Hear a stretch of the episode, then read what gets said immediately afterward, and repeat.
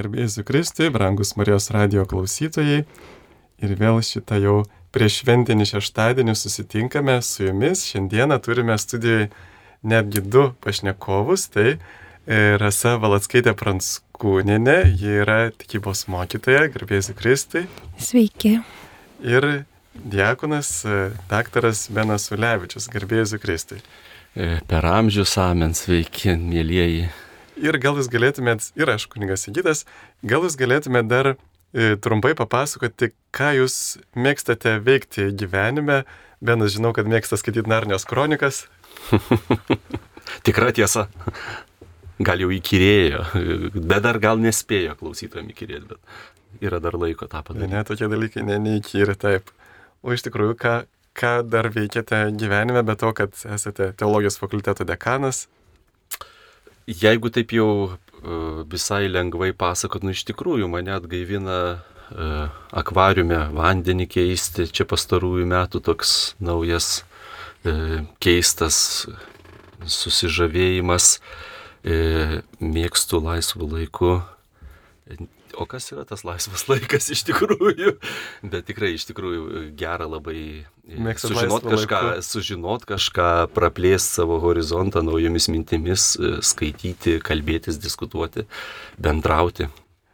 Ar žmona nesigili, kad išleido jūs į, į diekonystę, nes girdėjau, kad žmonos turi kiekvieną, prie, prieš kiekvieną sezoną, kiekvienais metais padėti savo parašą, kad einam toliau, kad leidžiu, kad vyras būtų ruoštas į diekonystį.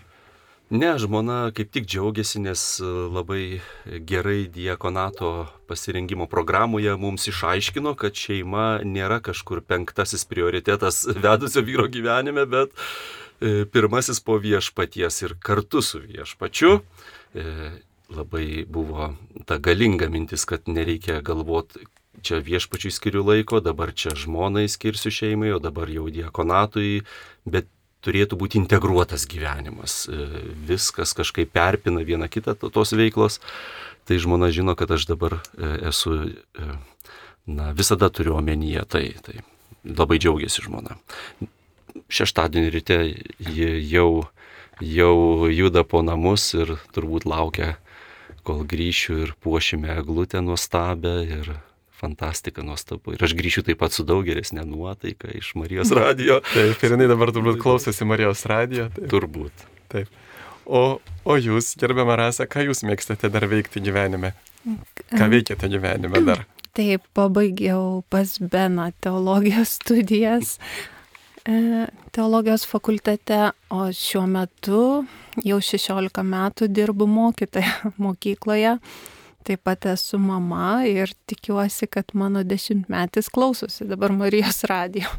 Žadėjo klausimą užduoti, bet tikiuosi. Ai, tai pasakyti, kad, jam, kad, kad paskambintų, nes galite klausimai žinutė, žinutėmis pasimesti. Visiems klasiokam turbūt skambina ir sako, mano mama, klausykit Marijos radijo laidoje. Tai va, o mes tada šiandien jau galime ir pradėti pamažu, jau turime keletą klausimų. Ar ateinantį sekmadienį reikėtų dalyvauti dviejose ryto ir pieminėlių mišiuose, ar galime dalyvauti tik Kristaus gimimo išvakarėse? Na, e, aišku, pieminėlių mišios jau ir yra ta kalėdų vigilė, kalėdų laukimas. Ir e, yra gražu, kai su visa švente sudalyvaujame ir, ir iš vakaro, ir, ir kalėdų mišiuose, bet, na, žiūrėkite pagal savo galimybės tikrai yra gražu per šventes sudalyvauti mišiuose, apskritai netgi tėvė mūsų maldoje, va gal ir Benas galėtų pakomentuoti tą tėvę mūsų maldą, kur yra žodis kasdienis. Ir kai kurie bažnyčios tėvai, jie sako, čia nais galbūt ir kažką kitą gali reikšti žodis, nes graikiškai tas žodis yra epiusijos, kažkaip tai kit, kit, kitą dalyką reiškia, ar ne? Virš esminė duona. E, ir ta, ta, kai galvojame apie šventasias mišes tikrai nuostabu e, turėti abi mintis. Viena vertus, jos tokios vertingos, e, tas e, mano susitikimas su Eucharistiniu Jėzum mano gyvenime turi tokią vertę, kad jei būčiau neįsiblaškęs žmogus, tai užtektų vieno susitikimo, vienos šventos komunijos ir ji perkeistų mane visam gyvenimui. Bet kita vertus, jei ką myli, tai, nu tikrai, aš apie akvariumą čia pradėjom kalbėti, tai norisi praleisti laiko daugiau, norisi žiūrėti, norisi apeiti aplink, o pavyzdžiui, žmona myli ar ne, kalbėsi gerą būtai. Tai todėl mes su viešpačiu taip pat sudaro bažnyčia mums galimybės e, tikrai dalyvauti ir dažniau, ypač kai švenčiame šventes. Ir yra pirmoji e, šventų kalėdų diena, taip pat antroji šventų kalėdų diena. Sako, taigi jau vakar buvo, kam reikia bet e, turbūt bažnyčia vis dar tikisi iš mūsų ir manau čia tokia kelionė, bažnyčioje tos programos yra šimtmečiams, o ne vienai dienai skirtos e, taip pat. Tai bažnyčia vis laukia, kada mes e, suvoksime, jog nuostabu praleisti laiko daugiau su viešpačiu ir tuo džiaugtis, o ne vien kaip pareigą išpildyti. Taip, ir kaip izraelitai tada manos rinkdavo kiekvieną dieną ir paskui jinai sugesdavo, tai va iš tikrųjų yra irgi tas ženklas, kad va kiekvieną dieną mes galime ateiti į mišes ir Dievas nori vis mus pamaitinti savo meilę. Čia gal panašiai jūs paminėt, paminėjote apie žmoną, tame, kaip tame anegdote, kur žmona sako vyrui, kodėl tu niekada nesakai, kad mane myli. Tai vyras sako, tai jau prieš 20 metų sakiau, jeigu kažkas pasikeis, pasakys. tai e, toliau Tai čia gal atsakymas būtų toks, kad e, čia nėra pareigos klausimas, bet čia yra meilės klausimas ir, ir ką mes galime iš meilės padaryti, e, tas Dievui yra primtina. Tai ar kučios šiemet bus sekmadienį švenčiamos? Taip, sekmadienio vakare. E, kitas klausimas, Ar žinote, ar bus Lietuvos viskupų komentaras dėl popiežiaus leidimo laiminti nereguliarius santykius, ar bus tai vykdoma pas mus, klausė Virgilijus. Na jau yra e, poros viskupų, bent jau nežinau, kas įvyko šią naktį ir šį rytą, nes e, dabar labai intensyviai apie tai diskutuojama, apie šį klausimą bažnyčioje, bet pirmasis komentaras arkivyskupo vyskupo Liongino Virbalo. E, bent jau Facebook platformoje jis yra ir turbūt ir kitur jau pasklydęs. Taip pat arkivyskupo e, Gintaro Grušo yra labai geras komentaras, abu komentarai, manyčiau, labai aiškiai pasako svarbiausius dalykus, kuriuos turėtume žinoti apie tą naująją deklaraciją ir tikrai e, gerai parodo kad deklaracija tikrai visiškai nekeičia katalikų bažnyčios mokymo nei apie šeimą, nei apie santoką, nei apie e, nereguliarias situacijas bei homoseksualius santykius, bet e, e, deklaracija kviečia tokiam didesniam pastoraciniam dosnumui, labai aiškiai nustatytomis ribomis e, e, primena mum galimybę.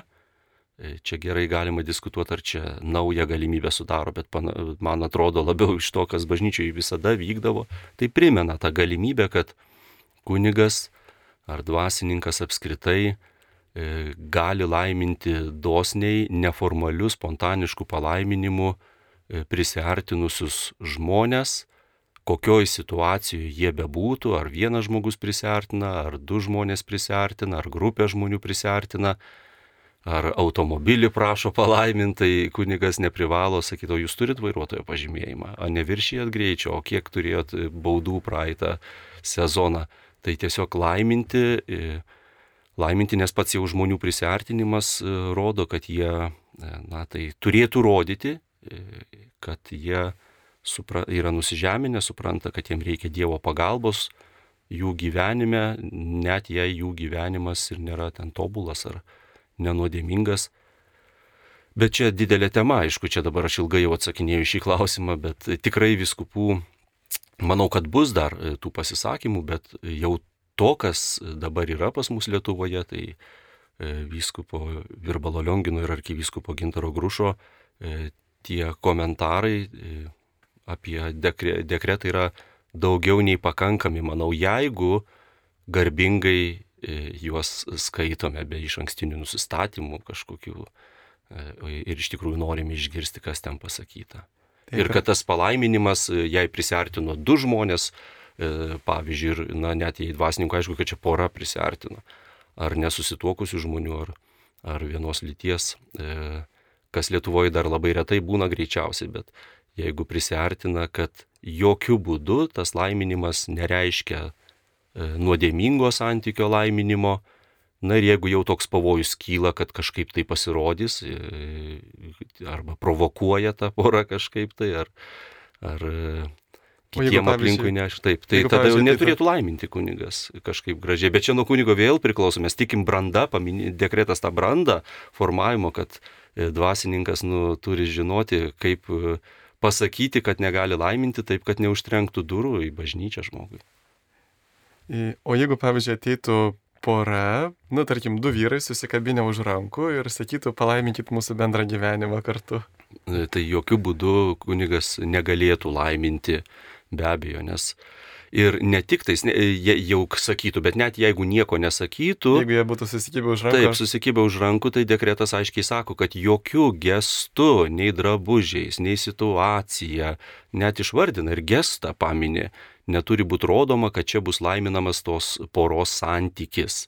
Laiminami, laiminamas žmogus poroje, o ne poros santykis. Ir man tai netrodo kažkokia atominė idėja, kurios neįmanoma suvokti. Mes gyvenam kvantinės fizikos laikais, tiesą sakant, kur daug sudėtingesnės idėjas gatvėje žmonės jau supranta. Ar tai yra taip jau neįkandama suprasti, kad uh, Dievas mato žmogų kiekvieną asmeniškai kaip savo mylimą vaiką, net jeigu nusidėjusi, tai kaip laukiamą, kviečiamą vaiką ir nelaimina jo nuodėmės. Bet kaip Dievas gali palaiminti ir sakyti, vaikė, aš tavęs noriu, ar ne, aš tavęs laukiu, aš tave myliu, jei ne per savo bažnyčią. O mes sakom, ne, mes e, šito gesto niekaip neparodysim, e, bet ir, ir taip pat net jeigu nuodėmiai dalyvauja du Dievo e, norimi sukurti, trokštami, mylimi žmonės, nu vis dėlto tai skaudu, yra tos nuodėmės mūsų visų. Negi bažnyčia neturi jokio, jokio būdo parodyti, kad Dievas e, tebe myli jūs, tebe laukia jūsų, jūs turit laiko, žodžiu, na, visi mes turim keisti savo gyvenimą ir jūs taip pat. Gerai, kad atėjote, duokit vietos Dievui ir žiūrėkit, ką jis jums pasakys, ką bažnyčia moko. Taip, iš tikrųjų, durys juk neužtrenktos ir kiekvieną sekmadienį dalyvaudami mišiuose, ar tai būtų vienos lyties pora, gauna palaiminimą.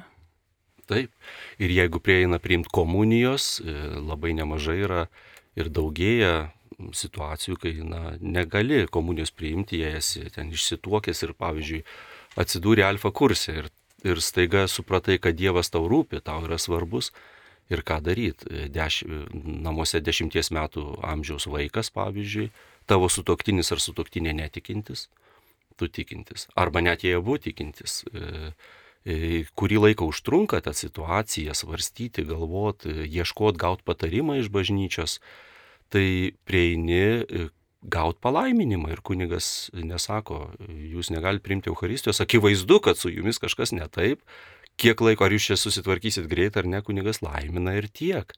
Ir tai nekelia jokio žiotažo.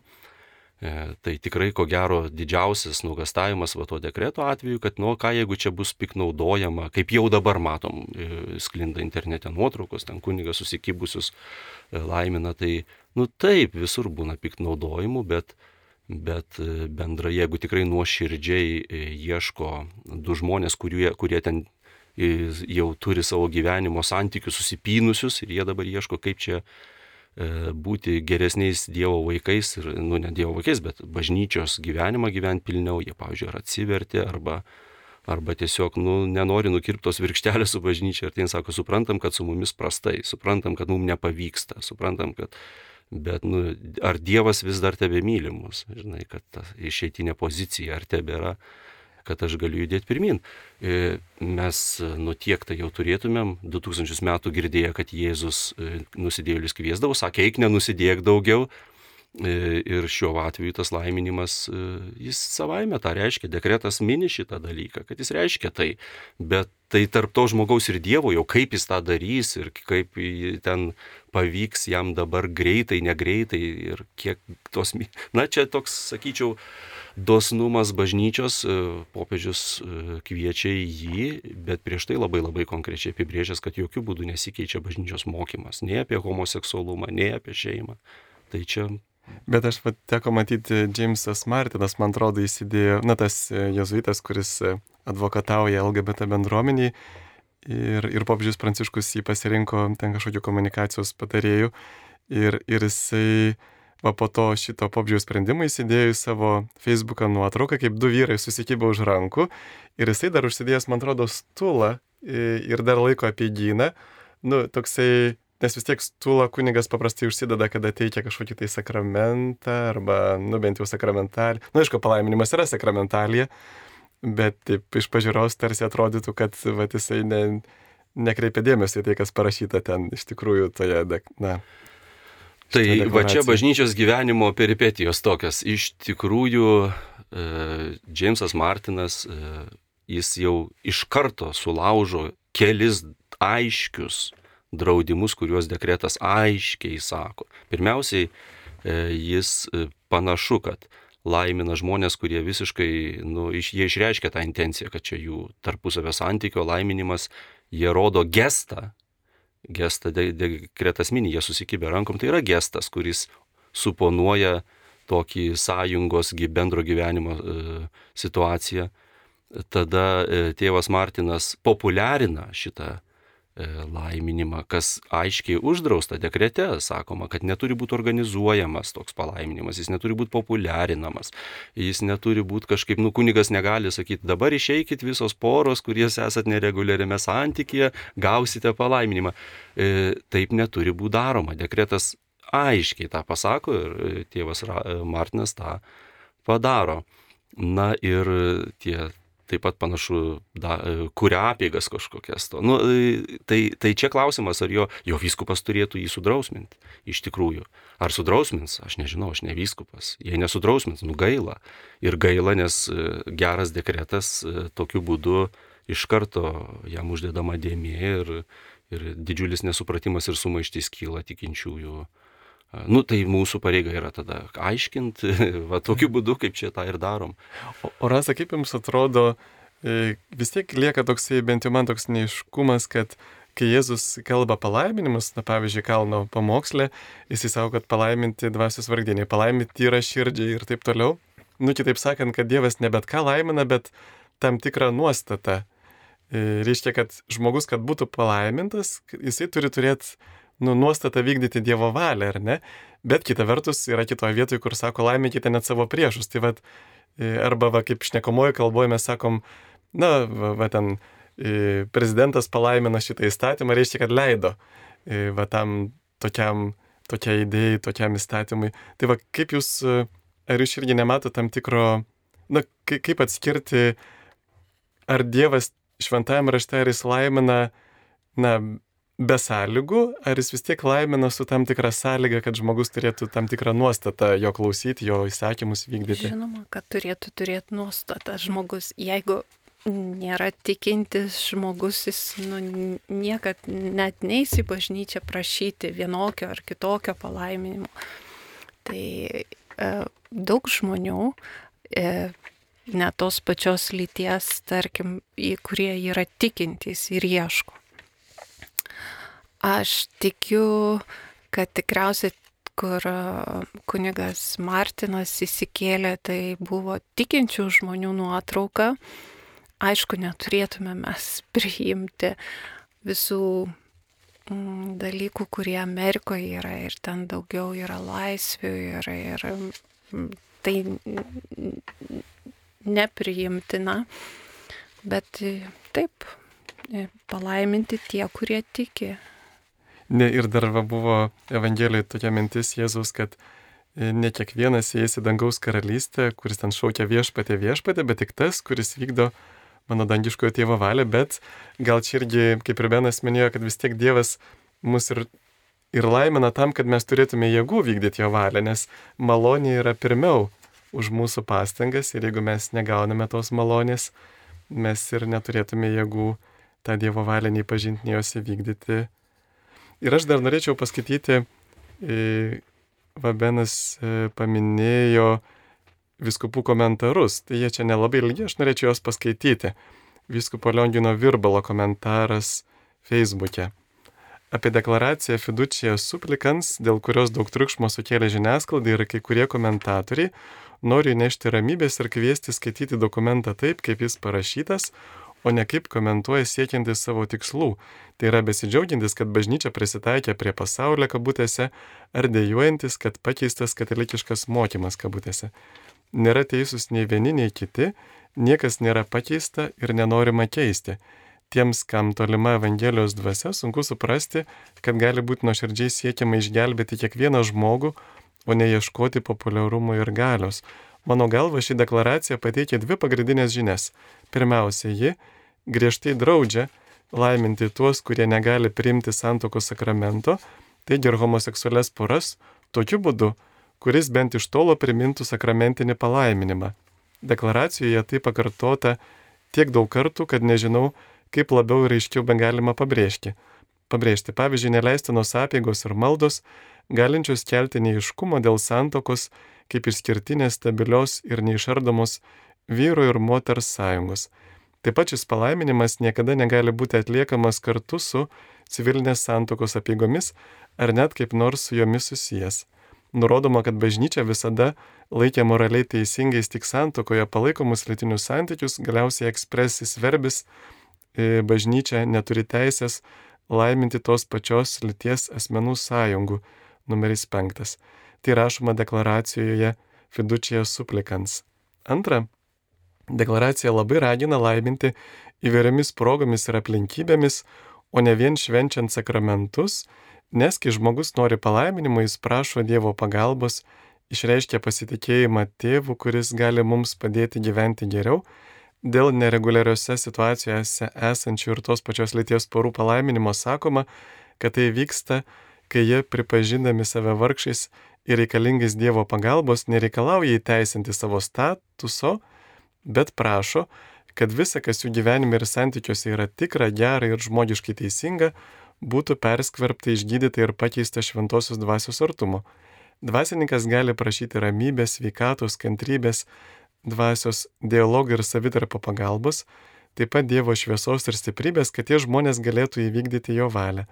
Toks palaiminimas gali būti teikiamas, pavyzdžiui, aplankant šventovę, sutikus kunigą, melžiantis grupėje ar piligriminės kelionės metu, taigi čia neina kalba apie porų kvietimą ar prieimimą bažnyčioje ir suteikimą joms kokio nors specialaus palaiminimo. Lankantis kokioje nors šventovėje, pamatę mane su kunigiška apranga, žmonės nekartą prieidavo ir paprašydavo palaiminti kryželį, medalikėlį ar jų kūdikį. Taigi pagal deklaracijos mintį, jei prie kunigo prieitų du vyrai ar dvi moteris, jam nereikėtų visų pirma kamantinėti, ar jie broliai, seserys, draugai, kolegos ar kartu gyvenantis. Jis gali tiesiog juos palaiminti. Ir ne todėl, kad jie homoseksualiai pora, o todėl, kad jie tiesiog žmonės norintys palaiminimo. Tokiu būdu Ir dabar laiminami tie, kurie negali priimti komunijos. Daugeliu atveju kuningas žino, kad žmogus gyvena nesusituokęs, taigi nuodėmėje ir samoningai jį palaimina. Laimina ne jo nuodėmę ar norą toliau pasilikti šioje situacijoje, bet giliausią troškimą atverti savo gyvenimą Dievui, prašyti jo pagalbos ir kviesti šventąją dvasę, kad galėtų ištikimiau gyventi pagal Evangelijos vertybės, kaip rašoma pačioje deklaracijoje. Dar daugiau, ko gero, dauguma kunigų jau yra laiminę poras, gyvenančias be santokos sakramento. Per vaikų pirmąją komuniją tokių porų tikrai būna ne viena ir jie apieigų metu laiminami vaikų tėvai, palaiminamos ir šios poros. Šiuo atveju būtent kaip poros, o ne kaip pavieniai asmenys. Ir tai niekaip nepakeičia jų bažnytinio statuso. Paskriptum nepriklausau Lietuvos viskubų konferencijai, todėl šį pasidalinimą priimkite kaip mano asmeninė nuomonė. Taip, turime skambutį. Paskambino įmutis iš Marijampolės. Sveiki. Ramžis.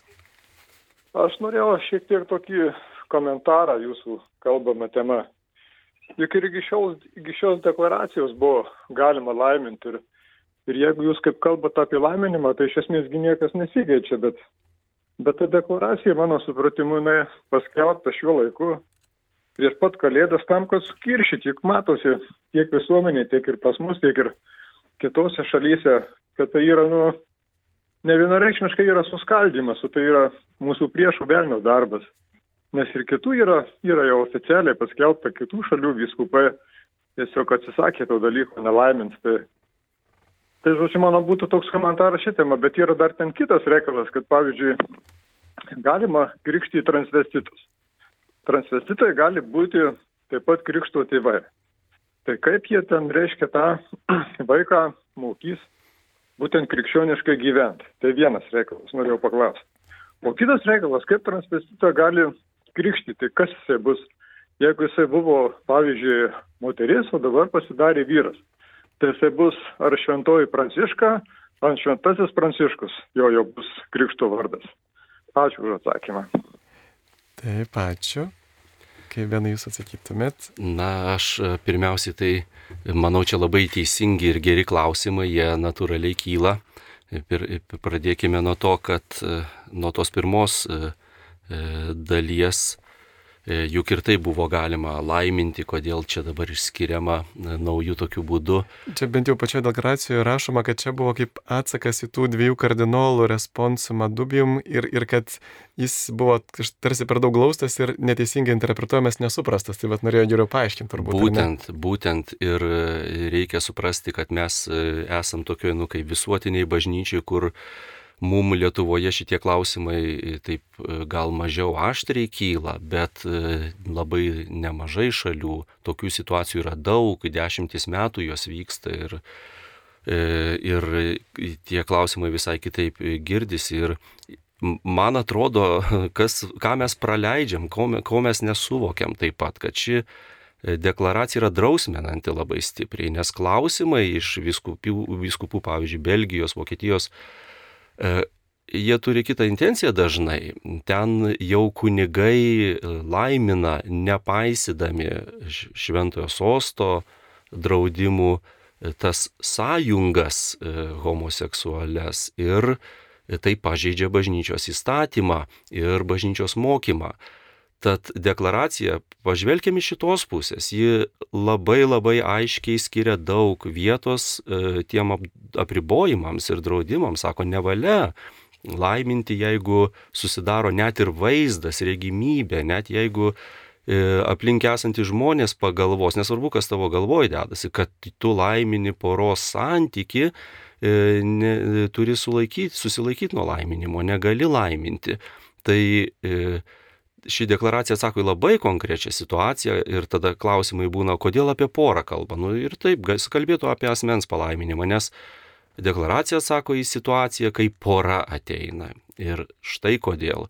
E, deklaracija sako, taip, galima laiminti porą žmonių, net jeigu tie žmonės e, turi bendrų gyvenimo ar nuodėmio ar e, situacijų, nes jie atėjo kaip pora, bet tu laimini ir rūpiniesi, kad laimintum asmenis poroje, bet ne tos poros santykius. Ir tai yra labai konkretus atsakymas, labai konkrečius klausimus ir labai e, konkretų rūpesti bažnyčioje. Kodėl deklaracija paskelbta per šventas kalėdas prieš pat, aš nežinau, bet aš pasakysiu tokią išvalgą, na žinot, prieš tai E, būna, kaip jaunimas sako, disclaimerį tokį. E, puikiai žinote, gal nežinote, mane nuolat kviesdavo ir kviečia, kai reikia prieš LGBT agendą pasisakyti, prieš gender ideologiją, nes aš tikrai jai nepritariu. Ir čia e, net neturiu jokių dviejonių, kad e, mes turim priešintis tai gender ideologijai, bet kita vertus aš esu, na kaip, katalikas ir čia mes kalbam apie popiežių, kurio, na, šventoji dvasia nenuvertė nuo sosto, jis yra šventosios dvasios dalyvavimu e, tikras popiežius ir nuolat tie popiežiai turi savo dovanas. Ir popiežiaus pranciškaus dovana yra panašu, jis, nu taip, aš turiu šiek tiek laiko, esu dabar e, šventosios dvasios vedama bažnyčios galva ir jis nuolat judina tą pastoracinio jautrumo klausimą. Nekeičia bažnyčios mokymo ir net juo neusima. Tiesą sakant, jis nenori nieko pakeisti, bet pastoracinis jautrumas.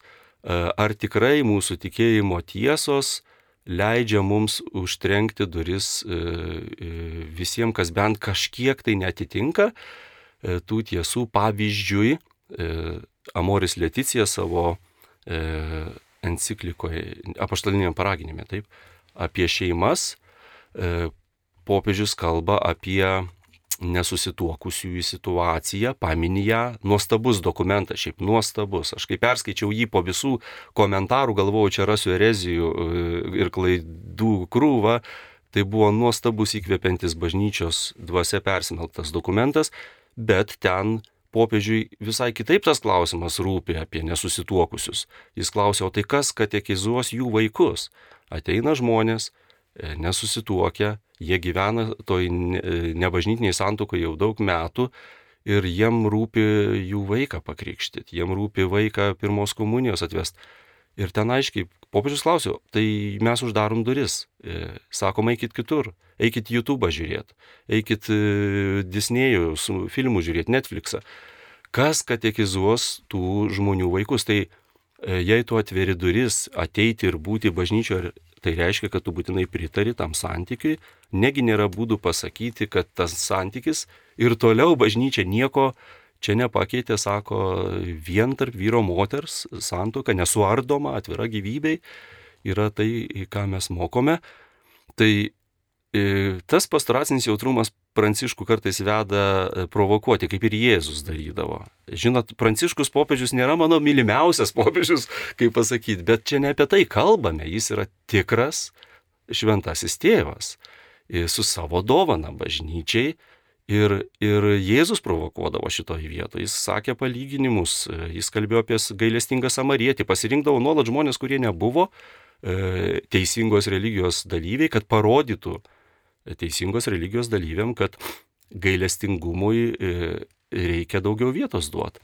Tai kas yra šventos kalėdos? E, šventa šeima be, be vietos, be e, jai prieš nosį duris užtrenkiamos nuolat. Tai gal čia yra kažkoks sumanimas, aš nežinau. Mano, kaip bažnyčios vaiko pareiga yra sustoti ir paklausti, patinka man, nepatinka, bet, nu, gal čia kažką aš turėčiau suprasti naujo, nusiraminti, kad bažnyčia nekeičia savo mokymo, bet gal čia kažkoks niuansas yra. Tai aš jau labai ilgai kalbu apie tą trans situaciją, tai gal tik tie galima pasakyti, kad e, čia nekalbama apie gender ideologiją skelbiančius e, translyčių žmonės, čia kalbama apie visuomenę, kurioje tokių žmonių būna, bus, yra ir jie patiria atsivertimą ir nori tada dalyvauti bažnyčios gyvenime. Ir dažnai ta situacija, ten tie skaudus e, tokie dėja, tie translytiškumo operacinės, tas intervencijos ten sujaukiamas tas žmogaus ir organizmas, ir, ir psichinių problemų, yra psichologinių sudėtingų problemų. Ir jie paskui nusižudo 19 kartų dažniau negu kiti žmonės. Taip, taip, ir, ir nu va toks žmogus atsivertė, jis ateina e, krikštytis, ką ką dabar su juo. E, jis turi teisę norėti išgelbėjimo, nes jis įtikėjo, jis nori atiduoti savo gyvenimą Kristui. Ir šitoj vietoje aš manau, aš atsakymo neturiu, nes čia turėtų e, labai stipriai dirbti psichologai, psichiatrai, nes yra iš mados translytiškumas, e, yra vienas dalykas, jis dažnai toks, e, kaip pasakyti, laikinas būna, bet yra ir taip pat ta gender disforija vadinama, na toks tikra diagnozė. Psichologinė žmogus keičia lytį ne todėl, kad jis labai nori kitos lyties, bet jis negali pakęs savo organų. Jis, nu, jis, tai yra jau psichinė trauma didelė. Ir kaip ir kitų tokių psichologinių, psichiatrinių situacijų atveju, aš klausiau specialisto, kaip man kalbėti su žmogum, kuris, pavyzdžiui, negali per klaustrofobiją ten patiria ar dar kažką, aš negaliu įsijausti. Tai šitoj vietoj turėtų daugiau dėmesio skirti ir bažnyčioje psichiatrai, ir psichoterapeutai ir aiškiai pasakyti, kokia kalba su tuo žmogum kalbėti. Ar jį reikalinga spausti kampą ir sakyti, tu esi Petras, o ne Ona. E, ar, ar yra kitų būdų nepaneigti tikros Dievo suteiktos lyties. E, kokia taktika čia kalbėjimas, aš nežinau, aš norėčiau išgirsti ir, ir tada žinočiau, ką atsakyti. Bet, bet be abejo, be abejo, mes jokių būdų nepritarėm translytiškumo tai programai, bet bet jau turim pareigą galvot, jeigu toks žmogus įtikėjo Kristų ir nori e, atiduoti savo gyvenimą bažnyčios gyvenimui Kristui, kokia čia pastoracija, kaip čia atrodytų tas krikštas. Čia teisingi klausimai, teisingai klausytojas klausia ir mums visiems jie rūpės ir teks ras tuos atsakymus. Ir... Man turbūt atrodo, kad sunkiausia ta situacija, kada, nu čia klausytojas kalbėjo apie transvestitus, tai iš tikrųjų netiesa apie translyčius, nes transvestitas jisai persirengėlis. Turi, taip, jis turi laisvę šiuo metu, taip, na, kitaip e, kažkaip tai rengtis ir, ir nepriimti savo lyties, bet translyčiai asmenys, ar kuriems buvo taikytas hormoninis gyd, na, gydimas, negalėtum pavadinti, kai sveikas žmogus žaloja, kad tai yra gydimas, bet e, tie hormoniniai kažkokie... Tai intervencijos. Tai, intervencijos taip, arba, arba lyties kitimas. Reiškia, tie žmonės jau nebegali nieko pakeisti, kas buvo. Pavyzdžiui, tarkim, balsas pasikeičia ir negrįžtamai, taip jau ten moters balsas tampa vyriškas ar panašiai. Bet e, va tada vis tiek lieka klausimas dėl jų buvimo krikšto tėvais kad e, vis tiek krikšto tėvas ar krikšto mama yra tam tikras pavyzdys. Ir čia netgi ne, nėra aišku, kurios dabar lyties jisai, ar, ar pagal tą, ar jis yra krikšto tėvas ar krikšto motina, jeigu jisai buvo vyras ir tapo moterimi. Ir, ir vat, kaip, kaip čia su tuo pavyzdžiu, ar tikrai, ar tikrai leisti būti krikšto tėvais yra geras sprendimas? E, nežinau, man netrodo tai saugus sprendimas, nebent tai šeimai labai gerai pažįstamas tas konkretus translytis žmogus, bet e, vienaprasmiškai. E, tai turi būti tikinti žmogus, jis turi pasižadėti auginti, padėti, reiškia, auginti tuos vaikus katalikų tikėjime ir aš įsivaizduoju, kad šioj vietoj, ko gero, vienintelis pateisinimas būtų na, va tokie žmonės, jie, kai atsiverčia, jie kartais tiesiog kaip tik tampa žinios nešėjai. E, sako, su manim nutiko štai kas ir aš negaliu nieko dabar gražinti, pakeisti, fiziologiškai aš atrodau kaip e, vyras, nors esu moteris, bet nedarykite taip.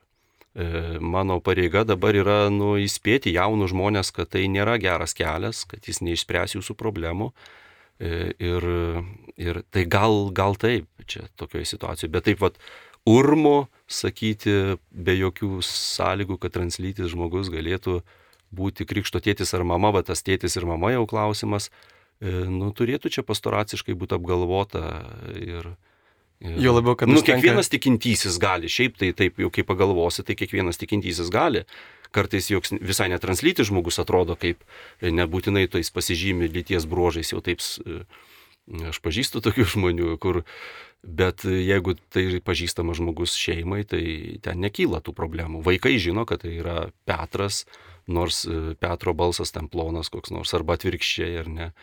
Nu, bet čia aišku kalbam apie išimtinės situacijas. Čia svarbu suprast, kad išimtinių situacijų negali paversti taisyklėm. Tada viskas griūva, tada nesąmonės prasideda. Taip ir vis tiek e, čia turbūt itin reti tokie atvejai galėtų būti, nes užtenka tik tai vieno iš krikšto tėvų. Tai reiškia, net tu net neprivalai rasti dviejų, užtenka vieno ir va dar kur yra turbūt rizika, kad tai tampa mada. Translitiškumas tampa tam tikra mada, kuri, nežinau, ten šimtais procentų kyla, reiškia, skirtumas, populiarumas to Ir va čia turbūt didelė rizika, kad tai netaptų tam tikrų pavyzdžių vaikui. Ir, na žodžiu, čia, bet, bet kokia atveju ten yra vis tiek parašyta, kad e, jeigu tai nesukels papiktinimo ar sumaišties, tai, tai irgi palieka kunigui tam tikrą apdairumą.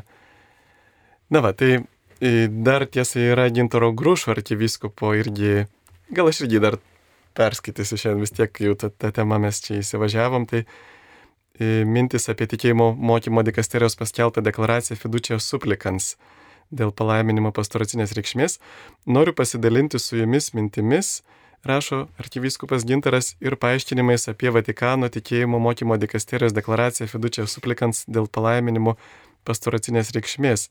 Ji buvo paskelbta prieš keletą dienų, socialiniuose tinkluose ir žiniasklaidoje pasirodė daug klausimų ir komentarų, todėl noriu akcentuoti, ką ši deklaracija nagrinėja. Skelbdamas deklaraciją, kongregacijos prefektas kardinolas Viktoras Manelis Fernandezas pabrėžė, ši deklaracija tvirtai laikosi tradicinio bažnyčios mokymo apie santoką, neleisdama jokių liturginių apieigų ar jas panašių palaiminimų, kurie gali sukelti painiavą.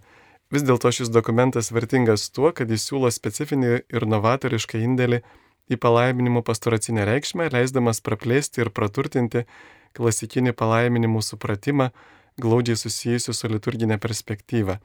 Ši deklaracija pagilina 21 metų dokumentą Responsium ad dubium dėl tos pačios lyties asmenų sąjungų laiminimo, primindama bažnyčios mokymą apie santoką ir atkreipdama dėmesį į reikšmingus aspektus. Deklaracijoje daug kartų aiškiai ir tvirtai pakartojamas bažnyčios mokymas apie santoką kaip vyru ir moters sandora, kuri yra nekintanti ir nesuderinama su nesantokiniu santykiu palaiminimu. Jokios, jokios liturginės apėgos ar palaiminimai negali sukelti įspūdžio, kad bažnyčia patvirtina tokio pobūdžio ryšius. Deklaracija pabrėžia skirtumą tarp liturginių palaiminimų su apėgomis ir palaiminimų be apėgų, kurie teikiami spontaniškai. Palaiminimas be apėgų gali būti teikiamas asmenims, prašantiems Dievo pagalbos ir malonės, bet tai nereiškia, kad bažnyčia palaiko nesantokinius santykius. Būtent tokie spontaniški palaiminimai be apėgų gali būti teikiami žmonėms esantiems nereguliariose situacijose arba tos pačios lyties poroms.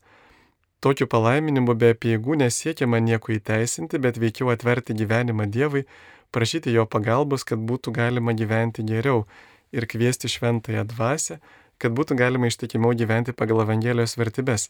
Kai žmonės prieina prie dvasininkų ir prašo palaiminimo, iš jų neturėtų būti reikalaujama, kad jie iš anksto būtų moraliai tobuli.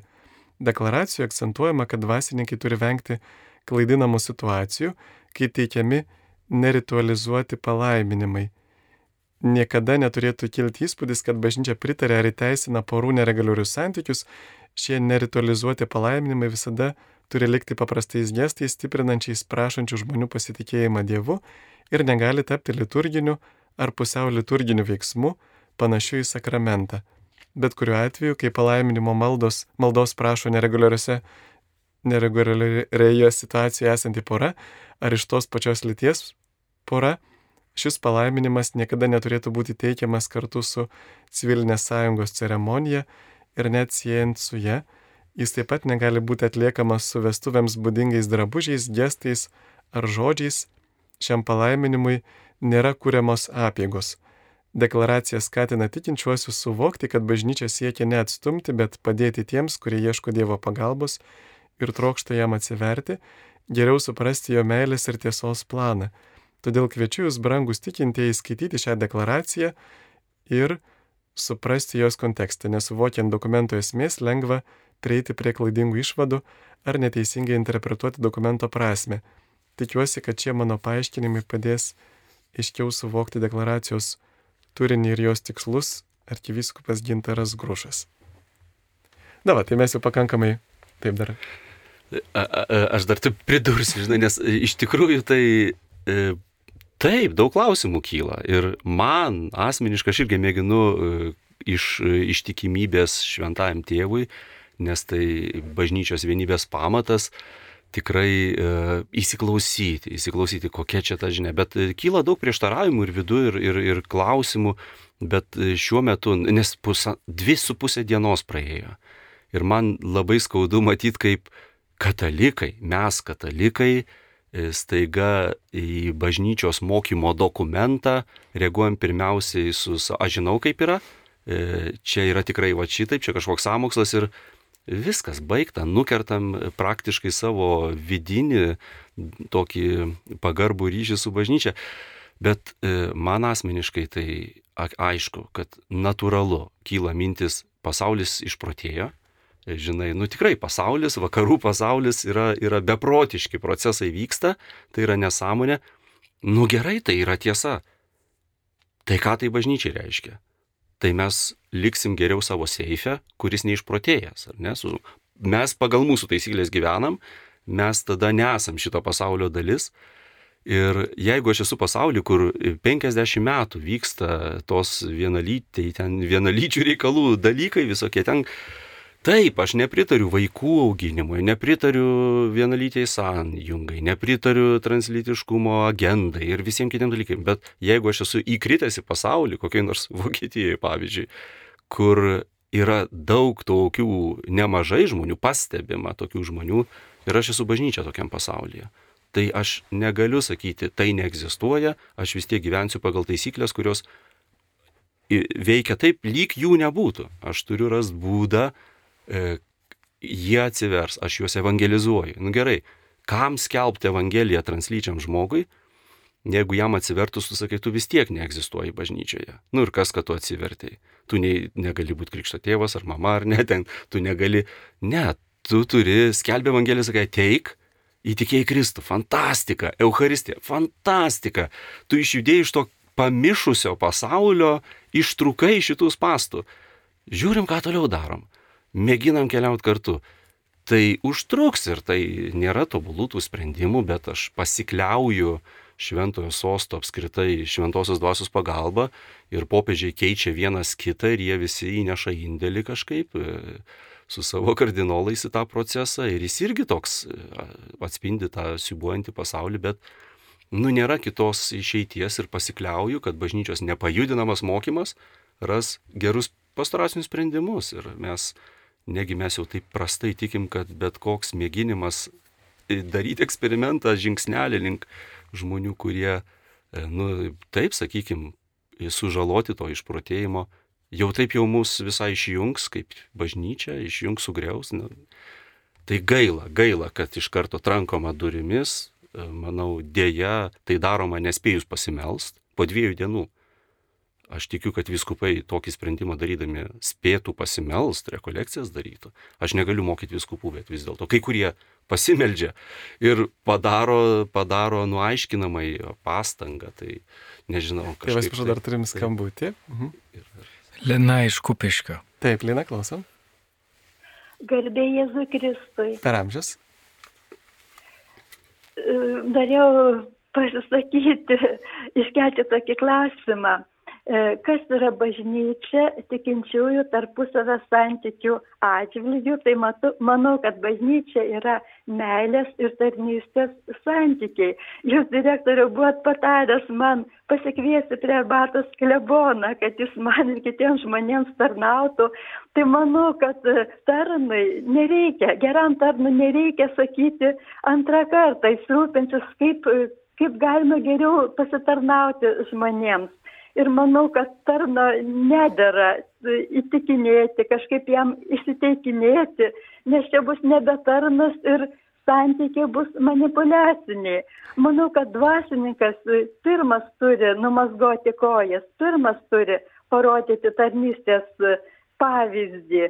Ir jeigu jis ne, neužsirekomenduos kaip geras ganytojas, o paaiškės, kad jis yra samdinys, kuriam avys nerūpi. Tai manau, tokiam dvasininkui nedėra aukoti, nedėra jam tarnauti. Ir viešpas Jėzus nekvietė prie arbatos fariziejų, jis juos kritikavo, nes jie privalėjo ne tik tai kalbėti, bet ir daryti.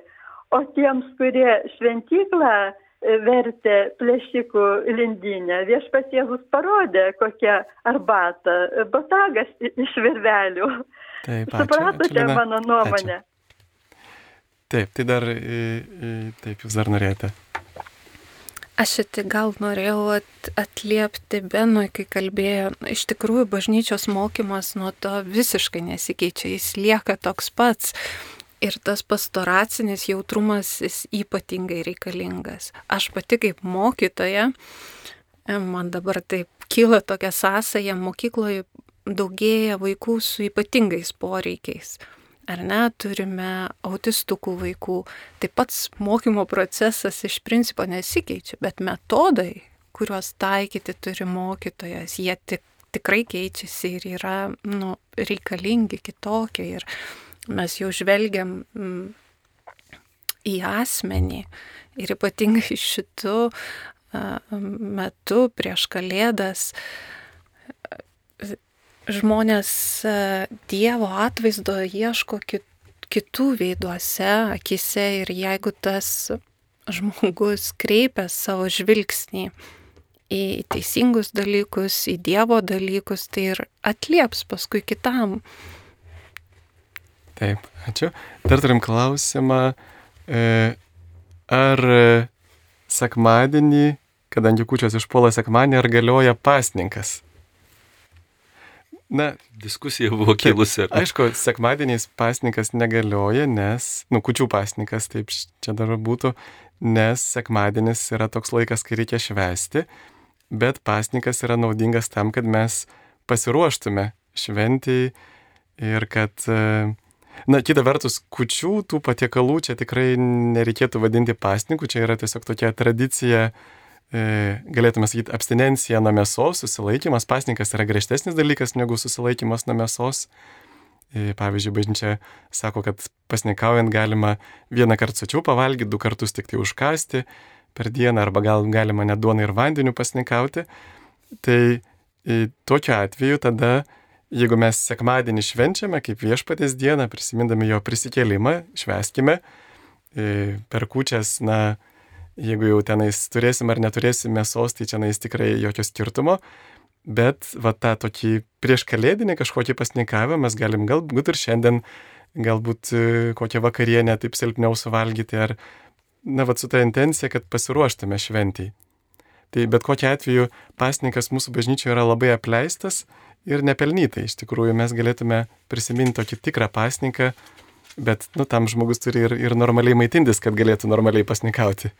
Tai tikrai galėtume, kaip ir pirmieji krikščionys, pavyzdžiui, trečianiais, penktadieniais pasnikaudavo ir griežčiau papasnikauti, nes tikrai tai, kas pas mus vadinama pasninku, yra labiau tokia, e, kaip sakyt, pasityčiajimas iš pasninko. tai dar kitas klausimas, kaip jaunimui perduoti kučių ir kalėdų džiaugsmą kučių šventimo tradicijas. Gal jūs, e, matyte, rasė, ką nors žinote?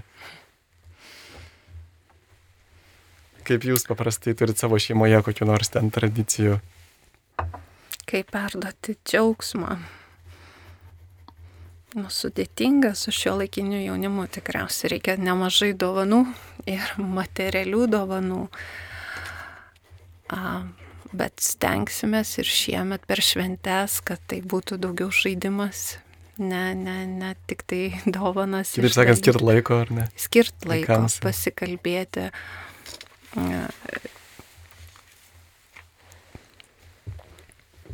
Taip. Kartu laiką praleisti. E, net nežinau, tas Kalėdų džiaugsmas tikriausia, kad saugiai jaustųsi vaikai, kad e, norėtųsi visiems palinkėti, kad e, nebūtų, kad skirtų laiko iš tikrųjų vienas kitam, kad... E, nebūtų nes... vien tik tai valgys, pavyzdžiui, ar ne? Taip kad graži bendrystė. Aš pati norėčiau, kad tai būtų. Aišku, ne visada išeina, kai, kai turi pasirūpinti ir, ir valgiais, ir, ir būtimi. Taip, bet... Ir turbūt yra skirtumas tarp tradicijų perdavimo ir tarp to džiaugsmo priežasties, kuri yra per... Juk net netradicijos mums teikia džiaugsmą. Tikrai taip, ne, ne, ne tradicijos. Bet, bet va ta pats Jėzus mums teikia, teikia džiaugsmą, ar ne? Ir, taip bandau paaiškinti ir, ir, ir savo vaikui, ten mama norėsiu aš to ir to, bet sakau, about caring and sharing angliškai jau, mhm. jau kreipiesi, nes anglų kalba populiaresnė šiandien jaunimo tarpe, tai apie tą dalinimąsi ir rūpinimąsi kitų. O aš noriu paklausti, Rasa, O lempučių turit namuose gražių. Taip. Tačiau Taip. mano dukrai tai devyni metai ir jai, ir prie dukra, net ir be dukros, nu dalis džiaugsmų vis tiek yra pasipuošti namus, ar nesusitvarkai namus ir tą eglutę pasipuošėmės labai, nežinau, vat, kaip čia susijęs klausimas, kaip pačiai e, šiemet atrodė, bet mane ir kalbino dėl to labai labai ankstyvo tokio eglių puošimo ir kad tos jau nu jau kalėdą švęsti jau lapkričio mėnesį pradedi, nu tai kažkaip man tai pasirodė, kad, nu negali paskui, jeigu šventė yra visus metus, tai kur tada ta šventė? Tai mes mėginam puošti, džiaugiesi tom lempelėm, viskas šventinis laukimas, nėra čia ko pykti, čia nieko tragiško, bet tas, vat, įsitraukit žaisliukus, dabar jau vakar ten kabinėjom viską, girlandas ir, ir prakartėlę darėm namuose kažkaip tai, aš ten iš savo vaikystės atsimenu, tėtis padarydavo ant televizoriaus, būdavo dirbtinė glūtė, iš vatos sniegas toks ir iš kažkokią lėlę ten aprengė kalėdų seneliu, mama, nu žodžiu, ir man šventi dalykai tokie, tas Jėzaus gimimas ir kartu tas toks šventiškumas, nu tikrai gimtadienis.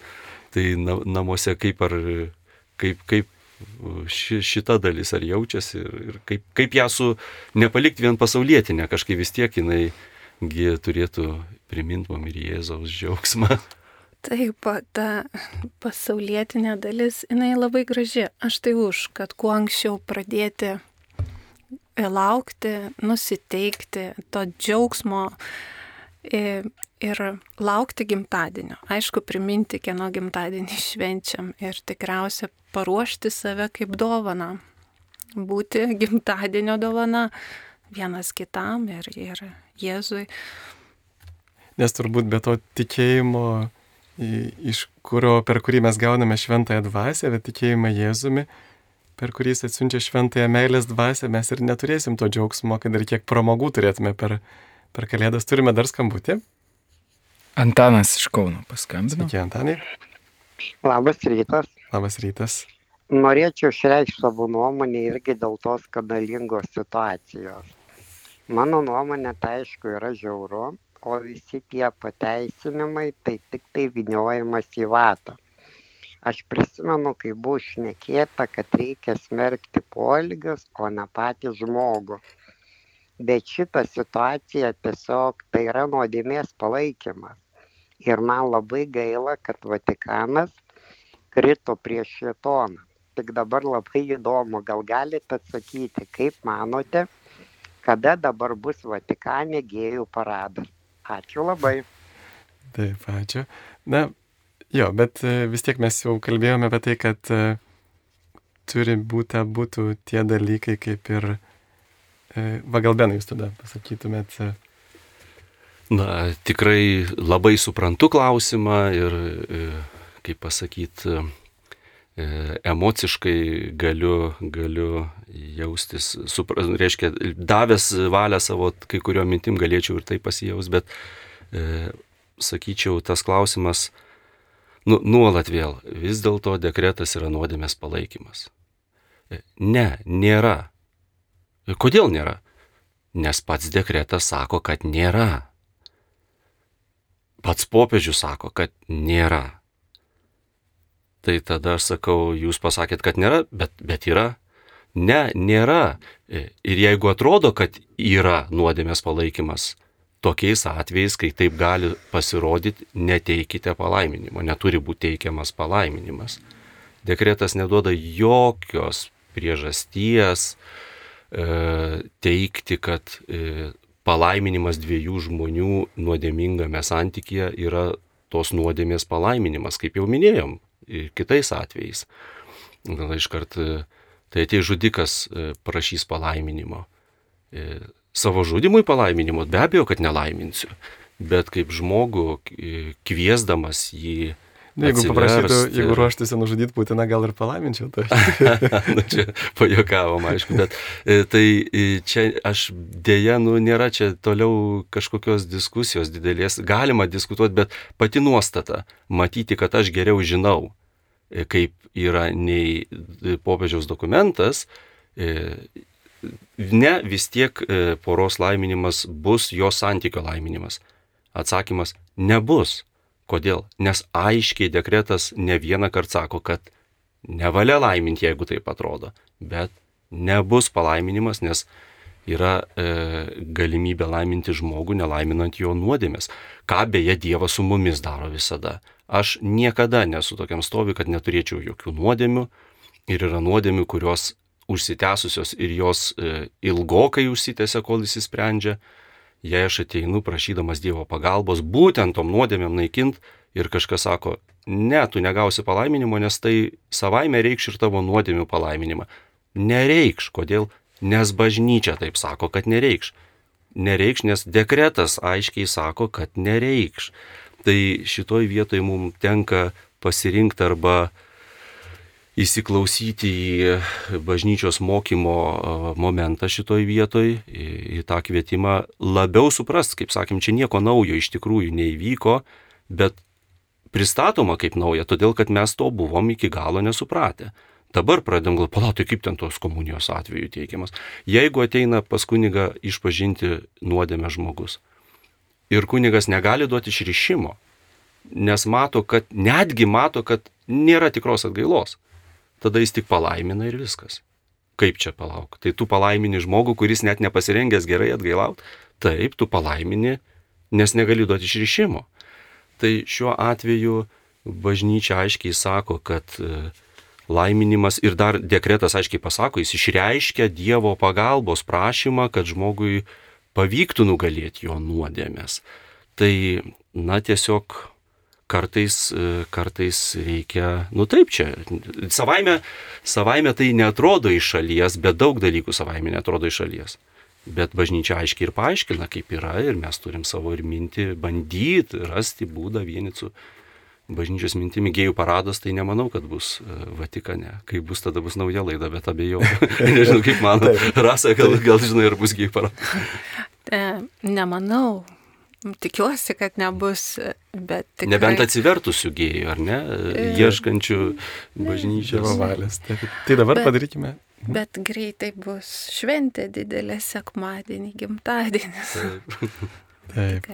Tai dabar padarykime pertraukėlę 15 minučių. Mėly Marijos radio klausytojai, šventasis mišes, kūčių ir šventųjų kalėdų iškilmių metu transliuosime gruodžio 24-ąją 10 val. iš Vilniaus Dievo galestingumo šventovės, 12 val. iš Kauno arkikatedros bazilikos ir 21 val. iš Marijampolės bazilikos. Gruodžio 25-ąją, pirmąją šventųjų kalėdų dieną, 8 val. šventųjų mišių transliacija iš Kauno arkikatedros bazilikos, 10 šventosios mišios iš Vilniaus arkikatedros bazilikos ir 12 val. Iš Panevežio Kristaus karaliaus katedros. Gruodžio 26-ąją, antrąją šventųjų kalėdų dieną, šventosios mišios per Marijos radiją, 10 val. ryte iš Kaišėdorių katedros ir 12 val iš Telšių katedros. Tu es grand Dieu saint, loué soit ton nom, tu es grand Dieu fort, et nous célébrons Dieu de tendresse, ta miséricorde et ton amour, Pokalbių laida Klausk drąsiai.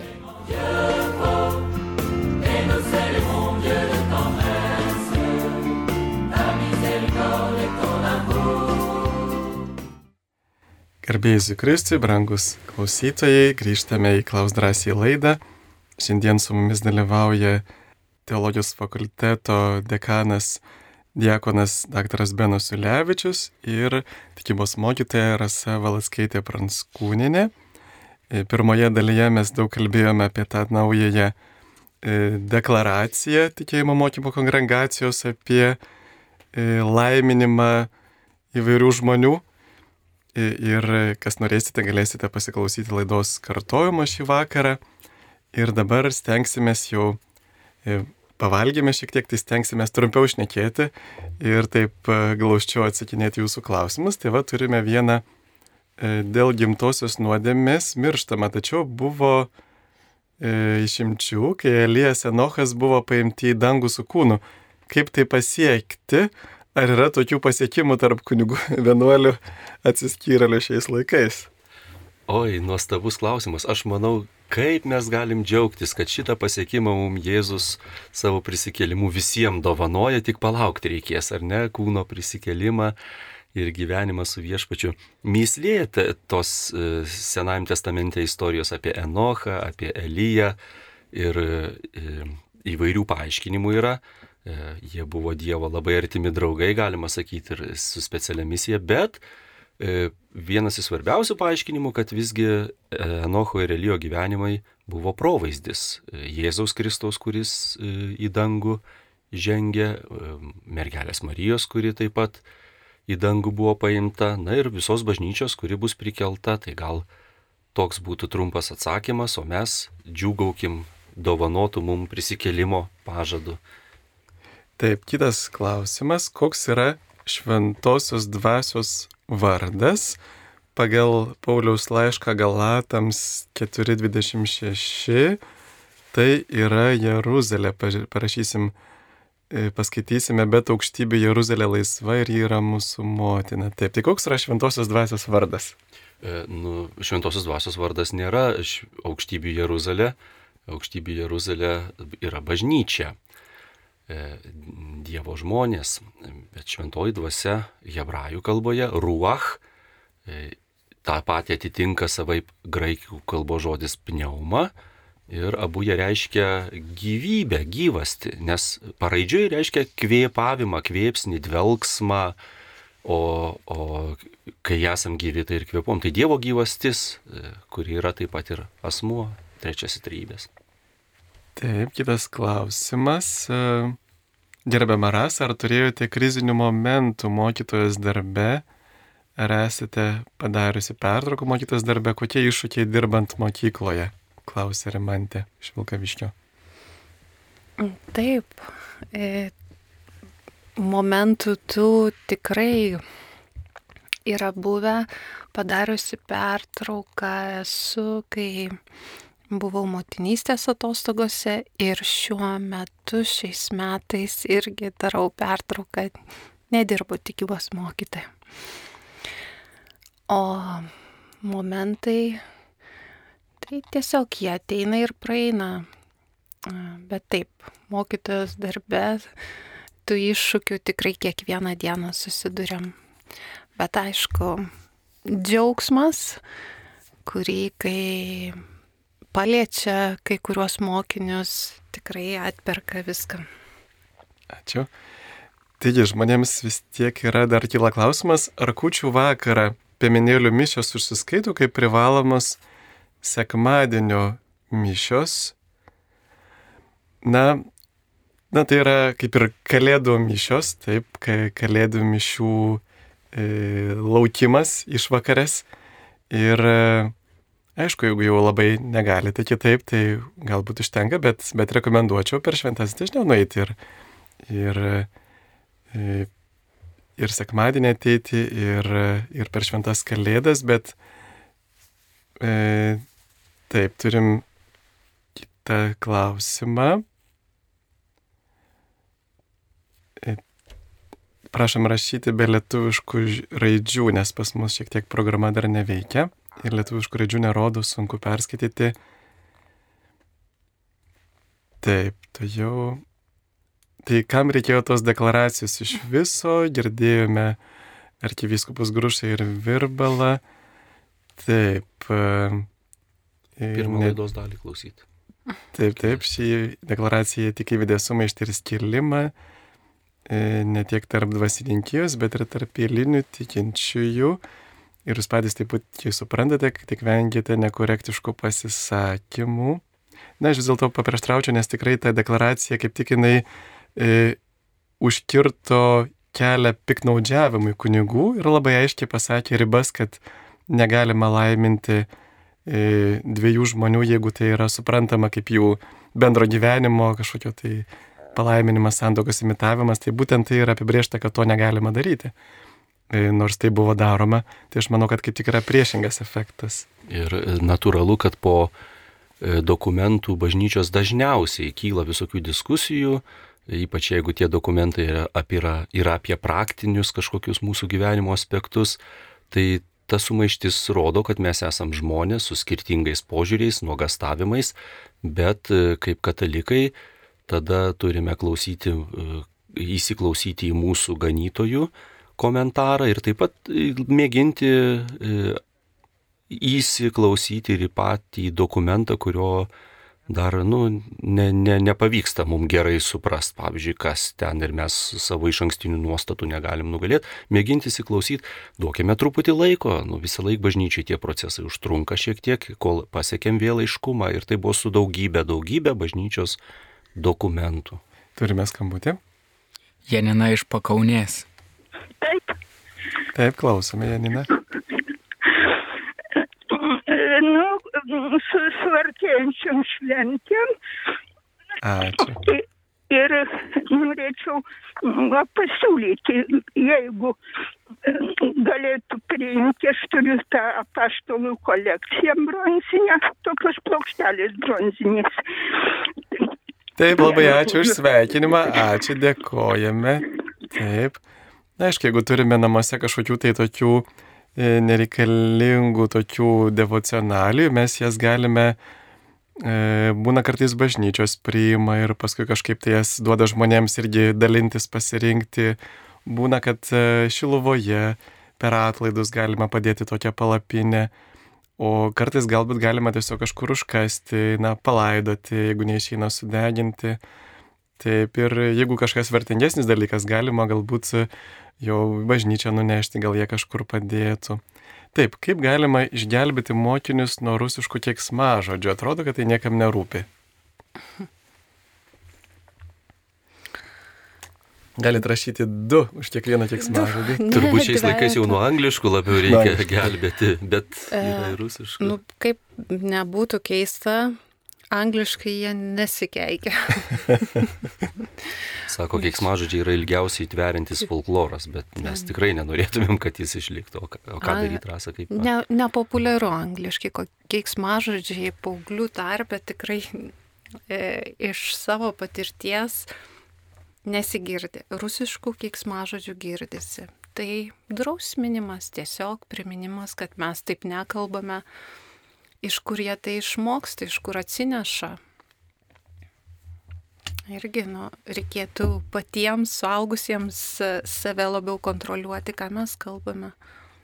Taip, dar turime klausimą. Anksčiau sakydavo palaiminti dvasingiai vargdieniai, dabar dvasios beturčiai. Ar nesiperša klausimas, kad dvasios beturčiai tai dvasios ubagai? Nu taip, mes visi dvasios ubagai be viešpaties, tai E, manau, kad e, savo visada ir primint galim, kad tik tais viešpaties dėka mes e, tapome turtingi, sako, esam turtingi Kristaus turtais. Tai gal taip čia ir pašmaikštavau, bet tai tikra tiesa, ateinu kaip nieko neturintis, bet ubagas, tas uboga, ubogiai, čia netgi slaviškas yra prie Dievo. Tai negaliu būti prie Dievo, jeigu e, jaučiuosi visko pilnas ir pats beveik kaip Dievas. Tai kartais veika yra suprast, kad esi stokojantis. Taip, ačiū už gražų atsakymą. 15 metų vaikas maištauja, priešinasi įimui į bažnyčią, sako, neranda ten atsakymų ir dabar sakė, jis tik vienas šventasis mišes, kurias tada geriau pakviesti į sekmadienio kučių ar, ar pirmadienio kalėdų. Labai skauda, bet Dievas iš visų mūsų kreivų sprendimų nuostabius darbus padaro palaiminto Jėzus ateimo. Čia kaip jūs pasirinksite, ar vakare eisite ryte, tikriausiai svarbiausia, kad kartu būsite, juk ne vienas jis eis į mišes. Sakė, jis, ai taip, į vienas. Taip. Į vienas. Ir tada jau jeigu maištauja, gal visai protinga atsižvelgti labiau ne į savo patogumą, bet į to Taip. Kada tas vaikas, paauglys, reiškia, geriau jaučiasi. Gal vakare, ryte, gal pas, ir pasirink, kur gal yra jaunimo kažkokio, kažkokio. Taip, na, turbūt jaunimui labai svarbu būti su bendramžiais, taip. Nes praktiškai, jeigu jaunas žmogus atranda na, seną kolektyvą mišiuose, jam nesmagu ten eiti, tai, o tikrai yra vietų mišių jaunimui, kur ateina jaunimo, tai čia labai svarbu jaunam žmogui. Ir turbūt, jo, turbūt tas, tas gyvenimo pavyzdys ir, ir prievartos nedarimas, jį labai svarbu. Turime skambutį? Bernadeta iš Šilalės.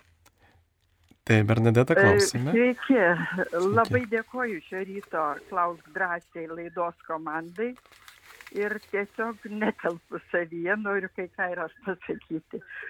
E, jau įprasta, kad vertinam ir teisiam pralaimėjusius krepšininkus nesėkmę patyrusius medikus, kantrybę praradusius mokytojus, užmirždami visą, ką jie gero padarė. O dabar atėjo laikas ir bažnyčiai, popiežiui graudo, iš tikrųjų graudo. Ir be pykčio sakau, kad labai norėčiau žinoti, ar tie teisėjai visažiniai yra bažnyčios žmonės, ar tik stebėtojai kartą ar du apsilankantys savo bažnyčiose. Tai tiek. Sėkmės jum ir ačiū labai už komentarus. Dėkoju. Ačiū. Taip, ačiū. E, toliau, kuriais, taigi, kuriais metais gimė Jėzus? Jau nekalbant apie žiemą, e, ketvirtais, šeštais, septintais, šeštais prieš Kristų, dar devintą prieš, devintais prieš Kristų. Aš dabar tiksliai jau neprisiminsiu, nes... E, senokai buvo, tokios informacijos buvo, taip, informacijos tokios e, nesinešiojam e, nuolat, bet kiek prisimenu apie, nu, sako, kad greičiausiai kažkur septyni metai prieš Kristų, nes, nes vertina pagal kitus aprašytus ten įvykius Erodo mirties datą. Bet tik pasakysiu, verta pasidomėti, nes tikrai yra labai pagristų taip pat e, tyriejų įžvalgų, kad gali būti, kad e, gruodžio 25 Jėzus gimė. Įmanoma. Kitaip tariant, ten irgi yra, e, mes to datos tikros nežinome, bet, e, bet e, yra tokios, e, nu, yra diskusijų dėl tos Jėzus. Tai nieko nekeičia. Iš esmės nieko nekeičia, bet, bet gali būti, kad šita data ir gali atitikti, arba bent jau laikmetis, nes mes sakom, piemenėlis, sniegas, prie ko tas sniegas. Ne, čia kiti dalykai, bet jau man jie kaip ne, jau sudėtingi dabar prisiminti ir papasakot, bet pasidomėję galim rasti kažką.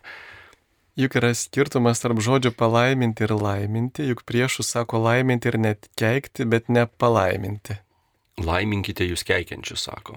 Nežinau, kas blogesnis, ar tas, kas tave keikia, kiek intencijos jis turi atsiversti ir atgailauti, ir Jėzus sako laimink jį, Bet, bet čia mes kalbam jau apie žmonės, kurie atėjo e, nekeikt, bet laiminimo prašyti. Ir jeigu jų intencija tikrai grina, mes sakom, čia proga ir evangelizacija ir gali būti pagrindas naujam atsivertimui ir tikrai, ir tikrai laimint galima su visom tom išlygom, kur jau minėjome. Petras iš palangos klausė, ar teisūs tie kunigai, kurie piktybiškai duoda šventą komuniją tik į rankas. Na, neteisus, e, nes dabar katalikų bažnyčia e, yra leidusi prieimimo laisvę žmogui, nebent vietos vyskupas būtų pasakęs kitaip, mano supratimu tai, tai yra svarbu, bet dabar kaip taisyklė leidžiama ar atsiklaupus, arba atsistojus, bet išreiškus pagarbą, pagarbinimo veiksmą, priimti Euharistiją e, taip, kaip neatšaukta ir leista. Nes iš esmės tai tas žmogus, kuris priima į rankas, jisai ne save apsaugo, bet kitus apsaugo nuo savo bakterijų, kad jisai ne, neaplaižys kunigo pirštų. Bet jeigu žmogus tikrai nu, moka priimti komuniją į burną, ta prasme, kad tiesiog e, atveria burną ir, ir negriebia tos komunijos, bet leidžia, kad kunigas įdėtų jam į burną, tai tikrai tas e, kontaktas prisilietimas neįvyksta. Tai čia buvo tas įvesta grinai dėl COVID pandemijos, dabar jau ta pandemija, na kaip bent jau tas e, didysis sunkumas jos jau yra praėjęs ir iš tikrųjų man tai nelabai patinka dalinti į rankas komuniją dėl vienos priežasties, nes lieka trupinėliai. Ne, ne, kai kurie komunikantai yra šiek tiek yra tokie glazūruoti, kur mažiau dulka, bet yra tokių, kurie labai dažnai naudojami, kurie labai trupa. Ir, pavyzdžiui, po komunijos dalinimo dar lieka pilna trupinių ant rankų. Ir yra tas tradicinis bažnyčios mokymas, kad Jėzus Kristus yra kiekviename trupinėlyje. Tai jeigu žmogus priima komuniją į rankas, e, gali būti, kad na, tie trupinėliai tiesiog lieka ant rankų kažkur nepagarbiai. Tai vad būtent dėl to e, buvo tas prieimimas į burną ir apskritai turbūt žmogui yra gerai, kai imunitetas e, vis, kaip sakant, e, stiprinamas, net jeigu ir kartais ten viena kita bakterija patenka, tai, e, na be abejo, čia reikia žiūrėti pagal pandeminę situaciją, bet aš vis dėlto siūlyčiau ne, neprimti komunijos į rankas, jeigu nėra būtinybės dėl pandemijų, dėl epidemijų. E, taip, ar... Mhm. Visgi nesuprantu, palaiminimas yra poroms, būtent poroms ne atskiriems asmenims. Tai jei yra žodis pora, tai suponuoju, jog ateinantieji išskirtinai matomi, turintys intimų santyki. Vadinasi, to žmonės pora išeina atskirti nuo tiesiog dviejų asmenų, kurie nėra intimame santykėje ir ieško Dievo palaimos, o tokio intimumo laiminti negalima, jei ateitų atskiras asmuo esantis atgailos dvasioje ir surištų kovoti su homoseksualiu potraukiu. Kitas klausimas, taip labai protingas klausimas. Man atrodo, kad e, taip, klausimas protingas, teisingas, bet e, ir vėl ne, e, pora nebūtinai reiškia intimų santyki, pavyzdžiui, sužadėtinių pora, draugaujančiųjų pora, kurie ruošiasi santokai, jie gali teisingai susilaikyti nuo santykių arba nesusituokusiųjų antroji santokoje gyvenančių, nu, sakykime taip, nebažnytiniai ne santokai gyvenančių pora, jeigu jie apsisprendžia gyventi kaip brolis ir sesuo, vyresnio amžiaus žmonių yra tokių tikrai nemažai situacijų, jos nu, žmonės nevaikšto skelbdami jų, bet sielovadininkai žino, kad nemažai tokių vaikai užauginti.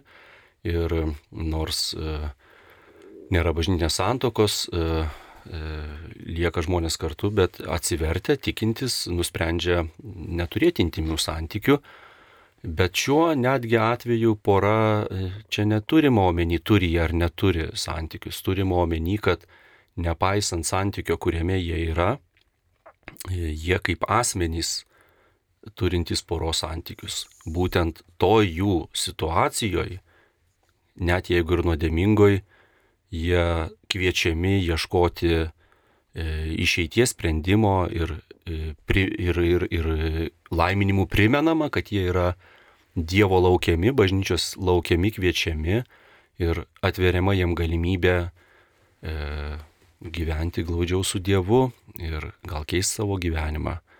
E, kažkaip e, šitą reikėtų suprasti, nes akivaizdžiai tas dekretas tą ir sako, aš dar kartą pakartosiu, laiminami asmenys turintys poros santykius, nes nu, negali meluoti, kad jie neturi poros santykių, jie tikrai turi poros santykius, laiminami asmenys turintys tuos santykius ir visa, kas jų toj draugystėje yra gera, nes gali būti gerų dalykų. Vienas gali būti netgi labiau linkęs ieškoti Dievo ir atvilkti tą kitą ir sakyti, kaž, bandom gal kažkaip bažnytiškai, e, e, na, tai eikim to palaiminimo, melskimės gal. Tai yra asmenys poroje, bet ne poros santykiai. O kaip tada va? Nenodėmingas veiksmas. Kitas klausimas, bet jeigu žmonės laiminami per, kie, per kiekvienas šventas mišes, tai kurių galų reikėjo šio dokumento, kuris, kaip jūs patys sakote, nieko nekeičia? Reikėjo todėl, kad e, jau ne vienoj šaly e, kunigai ir viskupai e, susiduria ne tik su žmonėmis po mišių, bet ir su poromis ateinančiomis palaiminimo.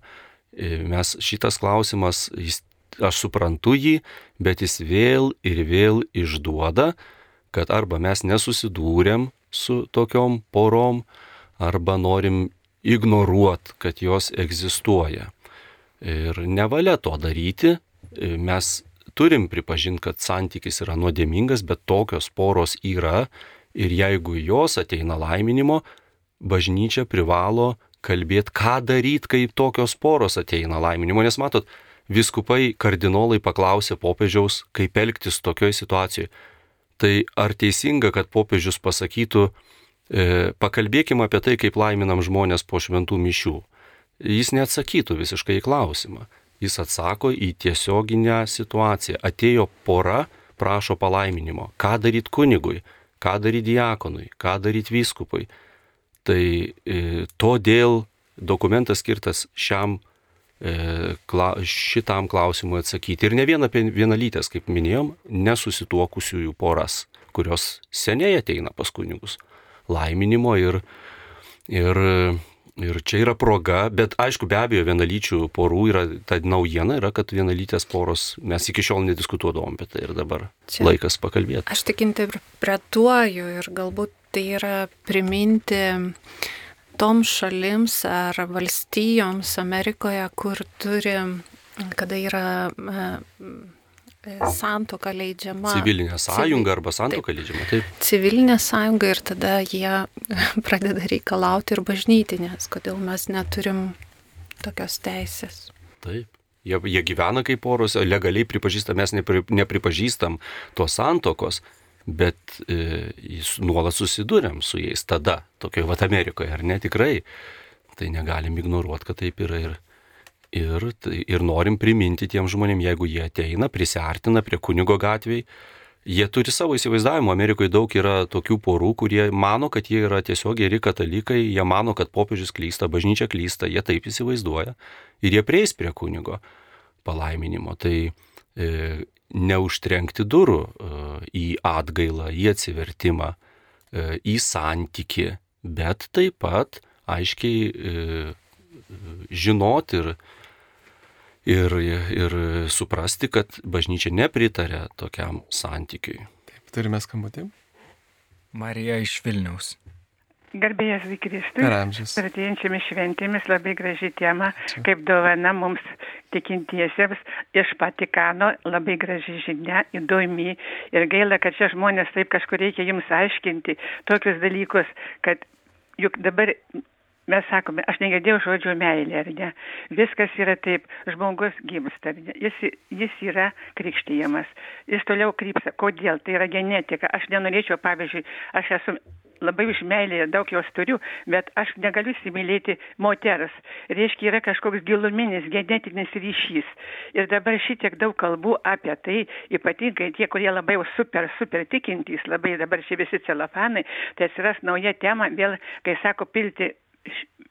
pilti purvą ant Vatikano ir gal ant kai kurių kunigų viso kito. Yra pasirinkimas, yra meilė. Žmogus atėjo bažnyčią, atsiklaupė. Jis reiškia nusilenkė Dievui. Jis pats žino, kas jis toks yra. Ir kur kažkur šie laikai išaiškina gerai, jo labiau Marijos radijas. Ir tas žmogus pats turi suprasti. Ir bažnyčia negali užtrenkti ir, ir, ir niekinti. Tai taip, į tą pusę, į tą pusę aš tave. Taip, laiminimas teisingai yra santoka, yra visa kita, tas gražu, tas turi būti teisinga. Bet jeigu žmogus kreipiasi, reiškia, homoseksualai, jie sutverti Dievo, jie įsilavinę visi, jie kultūringi, jų negali net bijoti einant gatvę, kai tų normalių mūsų tikinčiųjų kai kurių, visa kita, jie įsilavinę, apdovanoti vis, visokie pasaulio šitie žymėjai žmonės. Ir dabar kažkur padaryti tokią jau nuodėmę, kad jie visą kitą, taip laiminimas, mes žinom visi savo tikėjimą, aš irgi pirmas žodis buvo Marija, kadangi močiutė melsdavosi, o ne mama, bet tai turi tą tikėjimą ir mane niekas, neiš, niekas neišvies iš to ačiū, kelio. Ačiū, dėkojame. Dėkojame. Tai e, dar vienas klausimas. Ar visi žmonės gyvenantis iki Jėzaus nukryžiavimo patekdavo į pragarą? Labai e, rimtas klausimas. E, Ne, iš tikrųjų Dievas nori visų mūsų išgelbėjimo, ne, nors ne visi mes norim būti išgelbėti. Ir jei žmogus grežiasi Dievą, Dievas yra pasiekiamas. Tai tik tais, aišku, Dievas, kai tapo žmogumi, e, įvyko toks stulbinantis dalykas, kad mes pamatėm Jėzuje Kristuje, kad vad žmogus gali būti taip suvienytas su Dievu ir įeiti didžiausią vienybę su Dievu. Nuodėmės gali būti atleistos. Tai iki Jėzaus Kristaus e, po mirties, e, taip mūsų tikėjimas sako, remdamas iš šventuoju raštu, tie žmonės e, e, nepatekdavo į pragarą, bet jie buvo po mirtiniam stovyje, e, e, Dievo saugomi, bet e, pilnai dangaus vartus atvėrė šitą galimybę, kad žmogus gali būti suvienytas su Dievu, tai po Jėzaus mirties prisikelimo tie žmonės e, e, mylintis Dievą, jie galėjo būti suvienyti su Dievu. Taip, turime dar skambutį. Turime skambutį. Laima iš Vilniaus. Garbėjai Zikristai. Per amžius. Norėčiau užduoti tokį klausimą ir naudodamasi progą, kad e, studijoje yra Benas Ulevičius, kurį tikrai labai gerbiu ir jo atsakymus ir konkretumą, iškumą. Norėčiau užduoti tokį klausimą apie taiką, kas yra taika ir teologiškai, ir ne tik teologiškai, nes mūsų popiežius labai dažnai kalba apie taiką, ragina. E, tą žodį labai dažnai naudoja. Įdomu, kas ką jis įdeda, kokį turinį į tą žodį taika, nes pavyzdžiui, jeigu imsim dabar Ukrainos kontekstą, ukrainiečiams taika reiškia vieną, tai reiškia, kad jinai susijusi su teisingumu, su teisingumo atstatymu, e, atgavimu teritorijų ir, ir, ir, ir kad pagaliau baigsis niekinimas, žudimas, e, žeminimas. Ar tai, nes, žinot, aš labai jautri tam žodžiui taika, nes mesgi žinom, kas buvo su Lietuva, kas nutiko su Lietuva e, po antros sovietų okupacijos. Taip, žudimai baigėsi, partizaninis karas baigėsi, e, mes kaip ir pralaimėjome, kaip ir taika įsivyravo, jau ten daugiau dvasių. Taip, ačiū, supratom jūsų klausimą, taip. Klausimas labai, e, labai svarbus, e, labai gerai pastebėjote e, šituo klausimu, pasakėte. Visos darybės panašios kuo?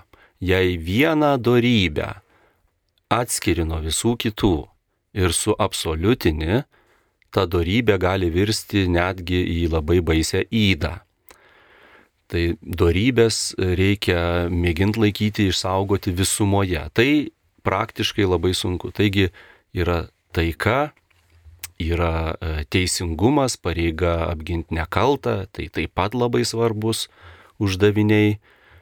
Ir todėl jūs minit Ukrainą, e, iš tikrųjų nevalia tai, ką pasiekti, nepasipriešinus akivaizdžiam neteisingumui ir akivaizdžiam blogiui.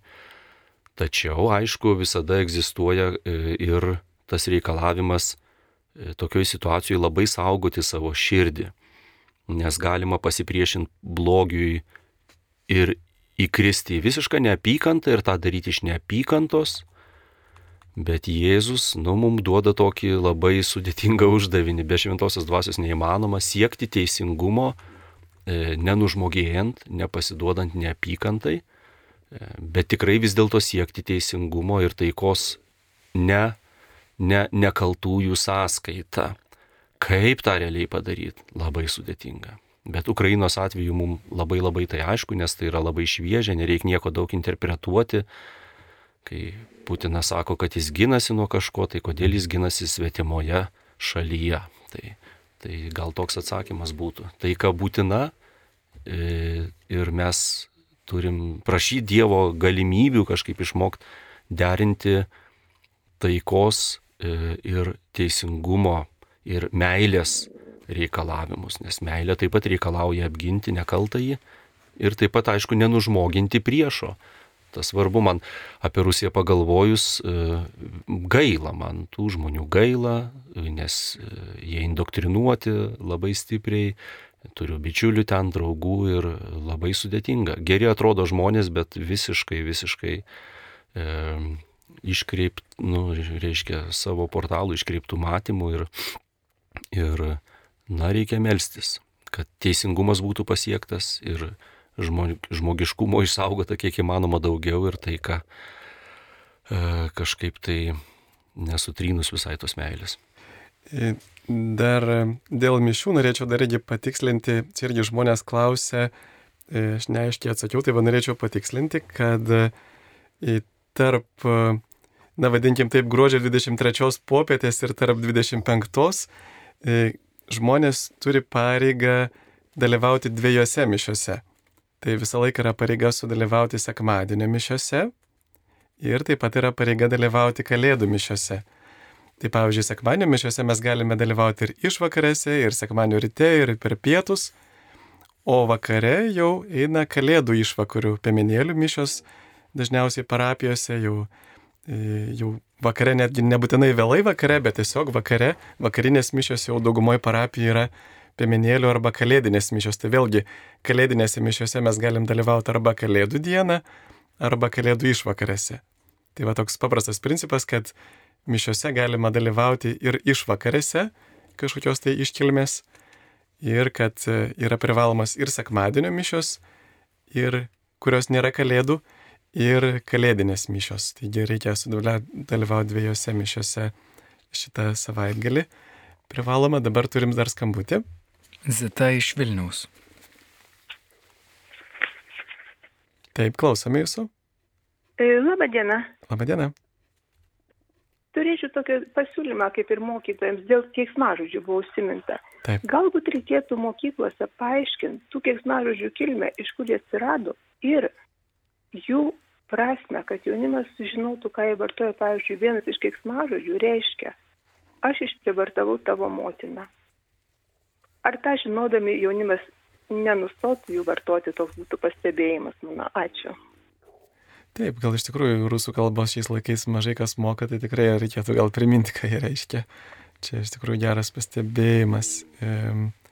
Ir, ir iš tikrųjų tai yra tam tikras šetoniškas dalykas tame, nes, na, jeigu tokius žodžius kalbame, tai yra, na, žodis turi galę, Jėzus sako, būsim atsakingi už kiekvieną tuščią žodį. E, tai Romos popiežius to pačiu jūs, ar tikite Dievo žodžiu, jei vyras sugultų su vyriškiu tarsi su moterimi, jie du abu nusikalto bjaurių iškreipimų ir sutraukė kraujo kaltę, kas reiškia mirties bausmį iš kunigų knygos 20 skyriaus. Čia yra tikra tiesa, kad, tokie, kad e, šventas raštas moko, kad homoseksualų santykiai netitinka Dievo plano ir yra nuodėmingi. E, ne, ne, negerai, įdinga yra cituoti eilutes iš Senojo testamento, nepaminėjus eilučių iš Naujojo testamento, tai nereiškia, kad Naujasis testamentas pateisina homoseksualius santykius, jis taip pat labai labai griežtai, paštalas Paulius yra prieškimo knygoje, mes matome, e, šitie santykiai smerkiami, bet mato tiesiog kunigų knygą cituodamas, tada visas kitas turėtume cituoti, kaip e, mes tikrai nemokome ir Jėzus nemokė, ir apaštalai nemokė, kad reikia akmenimis užmušti nusidėjėlį. E, tai čia šito nereikėtų daryti, kunigų knygos išimti iš konteksto, nes Jėzus Kristus vis dėlto atėjo ir bažnyčia apaštalinė yra, bet geriau cituoti eilutes iš Naujojo testamento, kurios aiškiai primena, kad homoseksualūs santykiai yra iš esmės nuodėmingi, tada galim kalbėti, kiek ten žmonės samoningai, nesamoningai juose ten e, dalyvauja, kiek jie asmeniškai yra kaltina, žinot, užaugus visuomeniai, kur tai yra norma, e, tada mes sakom, taip, jie lieka nuodėmingi, e, bet pats žmogus nežinojo to, tai, tai reikia jam paskelbti Evangeliją, reikia pakviesti prie Jėzaus Kristaus, bet tiesiog dvasia truputį kita, akmenimis mes neužmušinėjom nieko ir, ir kiekvieną kiekvienas, kas mėgintų tai daryti, ar net savo širdyje turėtų tokią neapykantą, e, kuri prilygtų nužudimui, Jėzus aiškiai sako, nusidėtų. Tai kunigų knygos citavimas šitos eilutės gali būti nuodėmė jūsų pačių. Aš dabar nekalbu apie konkretų klausytoją, bet mano paties, jeigu aš ją cituoju, nes aš su neapykanta kalbu e, ir norėčiau, kad tas žmogus neegzistuotų, kad jis būtų užmuštas akmenimis, tai, tai yra siaubas. Bet, bet tai nereiškia, kad, bet kaip sakiau, Naujasis testamentas irgi aiškiai sako, kad homoseksualų santykiai netitinka Dievo prigimtinės tvarkos, yra nuodėmingi ir, ir bažnyčia iki šiol to moko teisingai. Ir dekretas moko naujasis lygiai to paties. Taip, turime dar klausimų. Juk Taip, tu atsiprašom. Taip, ar sekmadienį komuniją bus galima priimti du kartus? E, taip, taip, jeigu mes eitume, tarkim, sekmadienio ryte ir sekmadienio vakare jau būtų kalėdų išvakarių mišios. Ir apskritai tam tikrais atvejais galime priimti du kartus komuniją, kad antrą kartą, pavyzdžiui, skiriame tam tikrom progom užmirusiuosius, savo kažkokia proga yra, bet, bet šiaip reikėtų turbūt E, vengti tokių kelis kartus dalyvauti mišiuose per dieną, e, nes e, na, mišios yra toks pas didžiausias įvykis ir kad tai ne, ne, na, iš tikrųjų reikėtų visą širdimi dalyvauti mišiuose ir tai kažkaip tai nu, sumažintų jos tokį išskirtinumą reikšmę, jeigu mes per dieną po kelis kartus dalyvautume, bet čia jau gautųsi, išeitų, kad dalyvautumėte jau kitos dienos išvakarėse mišiuose arba, kaip minėjau, tam tikromis progomis, pavyzdžiui, užmirusiuosius ar panašiai mes galime priimti ir du kartus komuniją, bet tai gal neturėtų tapti taisykle. Dar kitas klausimas. Kaip elgtis, kai ateis pasaulio pabaiga, Jėzus antrasis ateimas? E, tada jau bus vėlų kažkaip elgtis, reikia ruoštis e, svarbiausiams mūsų gyvenimo įvykiams jau šiandien. tai ir visas atsakymas. Ir tada, nes matot, e, jie, tada ir mūsų elgesio, e, Jėzaus ateimas išauks labai nuostabu elgesį, jeigu mes šiandien e, jo laukdami gyvensim vis šventesnį gyvenimą, daugiau vietos duosime tam pačiam Jėzui, šventai dvasiai. Tai kai jis ateis, mes jį atpažinsime, sakysim, o čia tai tas pats viešpats, su kuriuo aš jau draugauju ir jo ilgiuosi, jis mano nuodėmės atleidžia, jis mane veda šventumo keliu, nuostabu, padeda mano gyvenime. Tai bus nuostabu. Bet jeigu jis ateis man kaip svetimasis, niekad nepažintas, tai, tai už tai šiandien turim šitą dieną skirti susitikimui su juo, kai jis ateina pas mus per Euharistiją ir dabar ateis per šventų kalėdų, jo gimtadienį, mes su visų rimtumu ir džiaugsmu e, praktikuokime jo būsimam ateimui. Taip, ir e, iš tiesų adventas iš tiesų ir yra pasiruošimas tam antram Jėzaus ateimui, sugrįžimui. Komentuoja Paulina ir popiežius Jonas Paulius II atleido savo žudikui, būkime atlaidus. Ar kalėdaičiai, kuriuos parsinešame iš bažnyčios, buvo kunigo palaiminti? Taip, visi kalėdaičiai bažnyčiose jau yra kunigo palaiminti Advento pradžioje. E, turime skambutį. Algimantas iš Lentvario. Garbė Jėzui Kristai. Per amžius. E, norėčiau, sakykime, buvo klausimas dėl paėmimo žmogaus e, į, nu, su kūnu į dangų. Tai e, esmė turbūt yra tame, kad žmogus, kiekvienas žmogus turi galimybę pakelt savo kūno vibracijas, kaip sakyt, sudvasint kūną ir jisai gali tiesiog pats pakilt. Čia kiekvieno galimybė yra. Taip, ačiū už, už komentarą. Iš tikrųjų, tik aš pakoreguočiau, kad e, mes tikim, kad Dievas sudvasina mūsų vibracijas. To žodžio mes nevartojam vibracijas, nes aišku, kūnas vibruoja, štai rankas judinu ir vibruoja, bet Dievas sudvasina mus ir tikrai turime omeny Jėzus su sudvasintų kūnu, tai nereiškia, kad netikru, bet kūnu, kuris pilnoj vienybėj su dvasia yra. Tikras kūnas, bet pilnoj vienybėj su dvasia. Net į galvą netelpa, kas galėtų nutikti. Bet žinom Jėzos atveju, kas nutiko. Tai šitą Dievas mums yra pažadėjęs ir jis įvykdys mūsų tą sudvasinimą, jeigu jam atsiverėme. Ir... Taip, ir, ir čia turbūt reiktų vengti to naujo amžiaus ideologo. Leksikono. Tokio, ne tik ir leksikono, ir kartu tokio, tokios pagundos, kad e, dvasingumas mums teikia kažkokių tai galių e, ir daro mus kažkokiais išskirtiniais, geresniais už kitus. Tai yra labai neteisinga prieiga prie religijos, nes mes ieškom Dievo valios Ir kaip Jėzus sako, džiaukitės ne tuo, kad dvasios jums pavaldžios, bet kad jūsų vardai įrašyti danguje. Taip, ar mokytoja aiškina vaikams, kas yra Dievas, kas yra Kalėdos? E, spaudoje net Dievo vardo nerasite. Ačiū. Tai žinoma, tam ir skirtos tikybos pamokos tikriausiai yra visą advento laiką, laukia, kalbasi. E, Manau, kad tikrai kalba. Aš šiuo metu šiais metais ne, nedirbu tikybos mokytoja, bet iki tol visą laiką. Ir ne tik, ir, ir, ir kitose pamokose, manau, žmonės, kurie yra tikintys, prisimena ir kalba. Taip, ačiū. Kitas klausimas. Kalėdaičius parsineždavome, bet dabar sergame ir nėra kas atneštų, ar bus nuodėmė, jei kučiavosime be kalėdaičio na, nuodėmė yra tik tada, kada mes laisvai ir samoningai kažką padarome, o kas nuo mūsų nepriklauso, tas nėra nuodėmė. Bet galima gal e, parekomenduoti, būtų gražus gestas artimieji kokie nors, nebūtina įeiti į namus paduoti kalėdaičius, galima per plyšelį, gražu būtų. Kairos laikas, koks tai laikas, čia graikiškas žodis kairos. Čia didelė irgi tema, tie žodžiai turi savo technišką tokią prasme.